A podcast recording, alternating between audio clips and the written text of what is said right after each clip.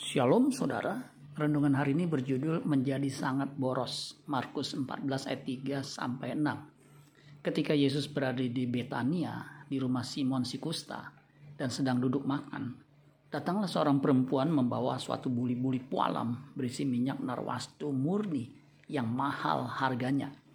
Setelah dipecahkannya leher buli-buli itu, dicurahkannya minyak itu ke atas kepala Yesus. Ada orang yang menjadi gusar dan berkata seorang kepada yang lain, "Untuk apa pemborosan minyak narwastu ini? Sebab minyak ini dapat dijual 300 dinar lebih dan uangnya dapat diberikan kepada orang-orang miskin." Lalu mereka memarahi perempuan itu, tetapi Yesus berkata, "Biarkanlah dia. Mengapa kamu menyusahkan dia? Ia telah melakukan suatu perbuatan yang baik padaku." Tidak disebutkan siapa nama perempuan yang mencurahkan minyak narwastu yang mahal itu ke atas kepala Yesus. Cara wanita itu juga begitu boros dengan memecahkan leher buli-buli itu sehingga seluruh minyak itu tertumpah ke atas kepala Yesus. Itulah sebabnya ketika orang melihat apa yang dilakukan wanita ini, mereka berkomentar sambil memarahi wanita itu. Untuk apa pemborosan minyak narwastu ini?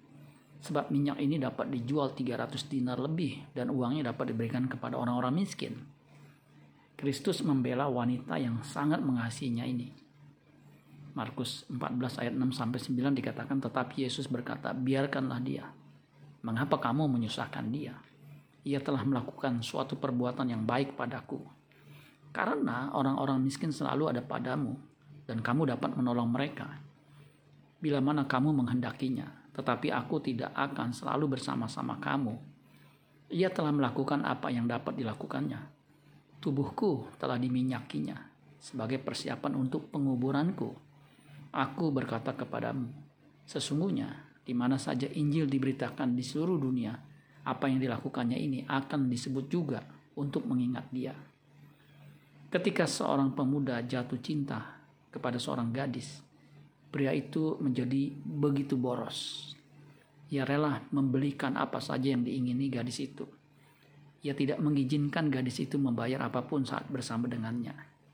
Ketika orang jatuh cinta, ia menjadi begitu boros demi orang yang dia kasihi. Apakah kita benar-benar mengasihi Tuhan? Apa bukti kita mengasihi Tuhan? Bukti kita mengasihi Tuhan, kita tidak akan hitung-hitungan dengan Tuhan Yohanes 14 ayat 15 dan 21. Jikalau kamu mengasihi aku, kamu akan menuruti segala perintahku.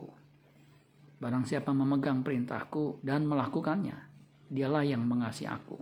Dan barang siapa mengasihi aku, ia akan dikasih oleh Bapakku dan aku pun akan mengasihi dia dan akan menyatakan diriku kepadanya. Amin buat firman Tuhan. Tuhan Yesus memberkati. Salam Gracia.